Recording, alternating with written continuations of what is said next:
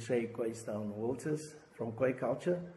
I'm listening every day to the podcast of JJ Ellis, and I must say, I'm motivated every day.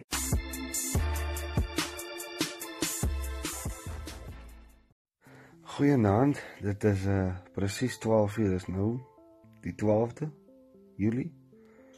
Maar ek verbeel my nog as die 11de. OK? OK. Anyway, um, dag was normaal. Um, maar ek het 'n uh, tydjie spandeer om vir my 'n uh, gaste kry vir môre se show wat ek nou nog nie eens genoem het nie, maar uh, ek het nog nie 'n gas gehad vir die week nie. Want uh, ek het nou so een of twee ouens opgelyn, een opgelyn en toe laasweek en toe gebeur daar niks die weekie. En toe iemand anders te gekry en uh nie regtig gekry nie gesê gaan okay kom ons kyk nader na die dag toe. En toe dit nou nie realiseer nie gister nou nie en toe ek moes ek nou uh vandag nou 'n bietjie gaan 'n bietjie. Iemand wil soek of vir 'n gas. So ek het my gas gekry die gas vir môre se DJ Alice Cow Show episode 13 13 ja 13 ek dink ek raak moeg. Uh episode 3 en 20, ja, episode 23. En die gas is tro tro tro. Oh, daar is my uh, pathetic uh, uh probeer van 'n uh, drumroll. Uh die gas is oom Theo Manrou. Uh, hy is nou al jare in besigheid. Wat hulle 'n meubelplek het in Beaufort. So 'n bietjie wysheid daar by hom kry môre so. Môre 3 uur op YouTube check dit uit. Die probleem wat ek dalk gaan hê ek hoop ek dit gaan 'n probleem wees nie maar die grootste uitdaging van môre heidaglik is van die show is Sakkie wat die tegnikus is is nou nie môre by die by die stasie nie.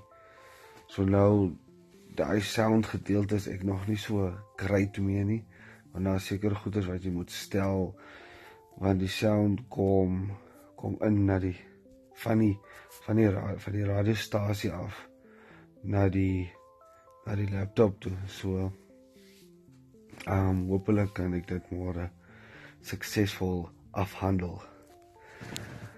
Dan uh, so ek het dan my gas gekry so daarvoor dat ek baie bly ek het al die vrou ook weggevat. En toe kry ek 'n SMS dat uh, die een van die dames wat werk nie die een wat die plek bestuur nie ehm um, die ander wat nou assistent is van die building shop in building shop/depot in uh, in Bellville. En toe sê hulle net vir my boodskap was. Ek dink is hy by 11:00 rond. Ja, by 11:00 rond toe sê sy, toe sê sy net ja, maar hier weer gee ek vir JJ uh 24 uur kennis. Uh wat nie heeltemal akkuraat is nie want sy werk al vir meer as 'n jaar daar. So tegnies kan jy nie 24 uur kennis gee nie. Jy kan maar maar handklousule en dit kan ek ook oordra as 'n tipe les van die dag. Handklousule in hulle kontrak staan. Ek kan nou nie sê wat se klousule hoeveel van hoeveel nie. Maar in die kontrak staan in die as 'n klousule dat as jy nie jou kennis werk nie, sê nou maar jy moet 'n maand kennis werk. As jy nie jou maand se kennis werk nie, kan die werkgewer um in verhouding met die randwaarde van daai kennis wat jy nie gewerk het nie. So kom ons sê jy pay in 'n maand R5000. So as jy nou die maand kennis gewerk het, dan kry jy jou 5000 mos nou na die maand en jy kry jou verlofgeld en whatever alles kan nog uitstaande is, right? Maar nou in die kontrak is daar 'n klousule wat sê as jy nie jou kennis werk nie, dan kyk jy's omdat jy nie jou kennis werk nie, skuld jy die werk nog daai maand se werk. Maar omdat jy dit nou nie werk nie, skuld jy dit in randwaarde ook. Jy draai dit net om in randwaarde. So as sy nou nie die maand se kennis werk, jy skuld sy vir my R5000. Maar aangesien sy nou sien maar vir 2 weke gewerk het en sy het sê nou maar ek weet nie hoeveel verlof sy het nie, maar kom ek sê sy het 3 weke se verlof. So dis altaan 5 weke wat ek haar skuld.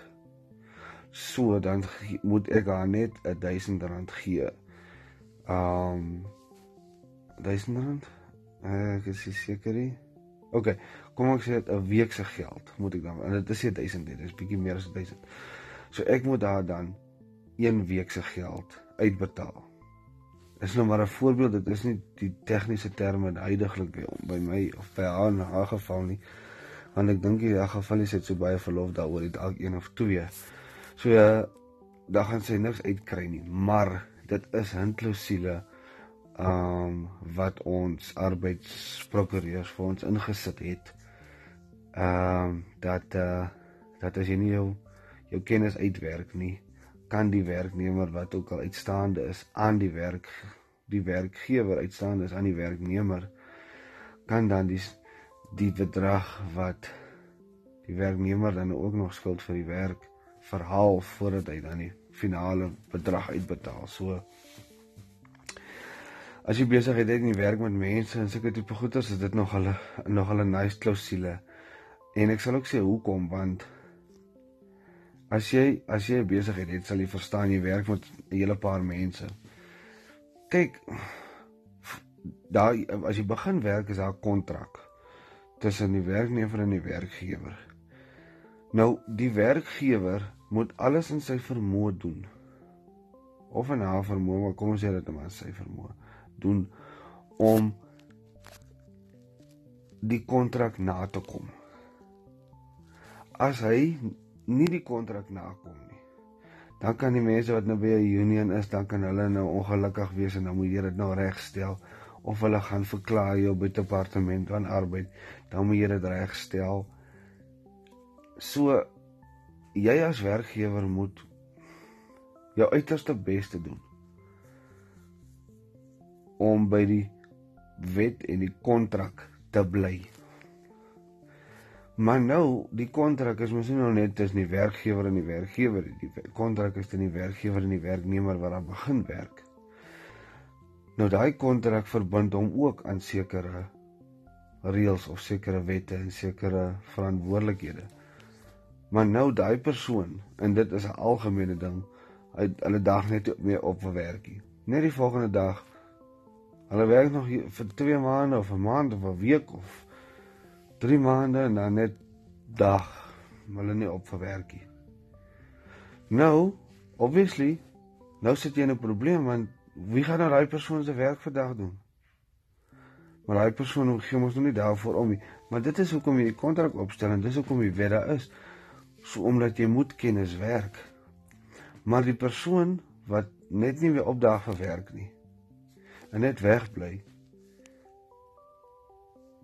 Um dit mos nou baie lekker want hulle hoef nie eens meer verder te werk nie. Veral as hy net klaar gepay het en hy hoef nie dan op te wag nie want dan weet hy die werk skuld hom nog iets en so nie. Hy het nou alles gekry. Hy skuld nog die werk sy kennis, maar hy gaan nie dit uitwerk nie. So nou sê die werk en hy wie gaan nou daai persoon se nou moet jy weer iemand soek om die werk te doen en sulke tipe goed. So Obviously dis waarvoor die wet daar is, maar hy kan die kontrak verbreek soos wat hy wil. En wat gaan hy oorkom? Die meer grootste ding wat hy nou gaan oorkom is ek moet hom nou weer gaan soek. Ek moet verhoorpapiere vir hom gaan oorhandig en sê sy verhoor is oor 3 dae. Daag hy op vir die verhoor? Nee. Wat kom hy oor? Niks. So die besigheid en die eienaars en direkteure, hulle is die mense wat die werkgewers die een wat gedurig aan die kortste intrek. So dit is hoekom ek baie van hy klousule hou. Dat ons al net weer 'n bietjie die speelveld gelyk maak. As jy wil wegbly die werk het, is dit fyn. Maar aangesien jy nie jou deel daar kom nie, dan maak ons dit net 'n bietjie gelyk. So ek like daai klousule. Dis vir my baie nice klousule daai. Ehm um, en dan het ek die voetbal gekry tot tot laat toe. Ehm um, die semis tussen Kroasie en Engeland. Nou Engeland het redelik het redelik goed gedoen tot sover toe, maar hulle het ook nie regtig teen die beste spanne gespeel en ek het actually een van die comments gesien wat gesê het uh Engeland was nou nie semis maar was baie lucky en hulle kon nie een span wen wat gehaier gerank is as hulle nie. Want die enigste span teen wie hulle gespeel het wat of die enigste spanne wat hulle teen gespeel het wat hoër gerank is as as Engeland was België en Kroasie en albei het hulle gewen. So verdien hulle om in die final te wees? Ek dink nie heeltemal so nie. Ehm um, Kroasie het baie tougher groep gehad met Argentinië en so aan om om om uit te kom by die um, om uit te kom in die in die, in die, die semi so ek dink is twee verdiende spanne as jy nou gaan kyk na die toernooi. Eerstens um, en ek wil obviously Frankryk moet wen.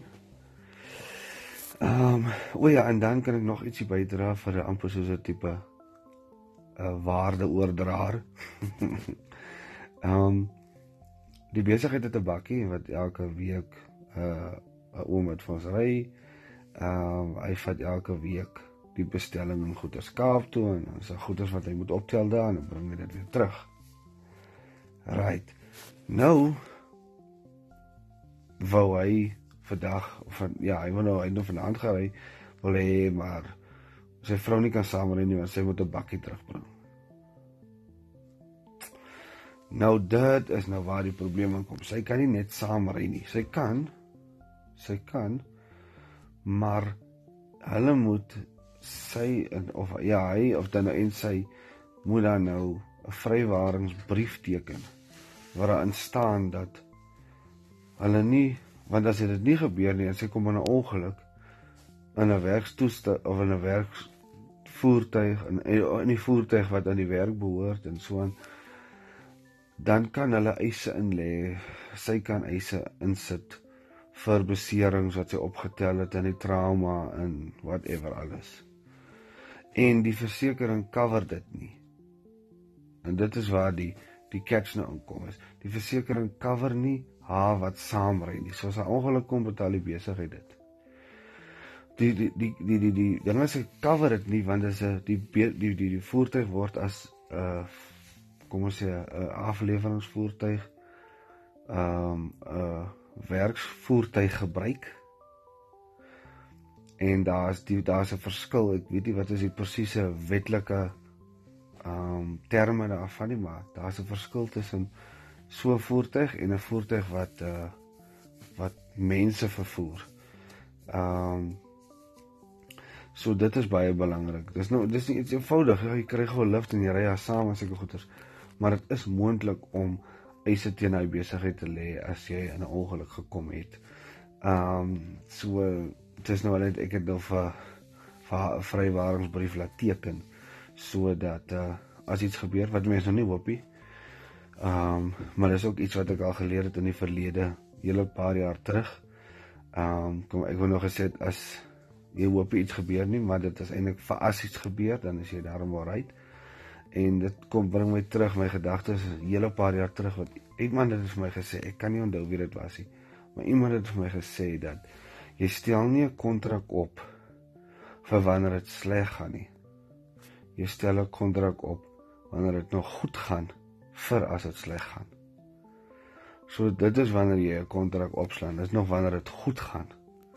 Want gewoonlik as dit daarna sleg gaan waar dit baie keer gaan, dan is dit te laat vir die kontrak. So daar's nog 'n 'n 'n tip of the day. anyway, dis al. Ek hoop uh jy dit luister en die res van jou dag is absoluut fantasties. Ek wil net weer sê ek is baie dankbaar dat jy luister. Ek is baie bevoorreg en uh en ja, baie dankie, Jesus Heer. Cheers.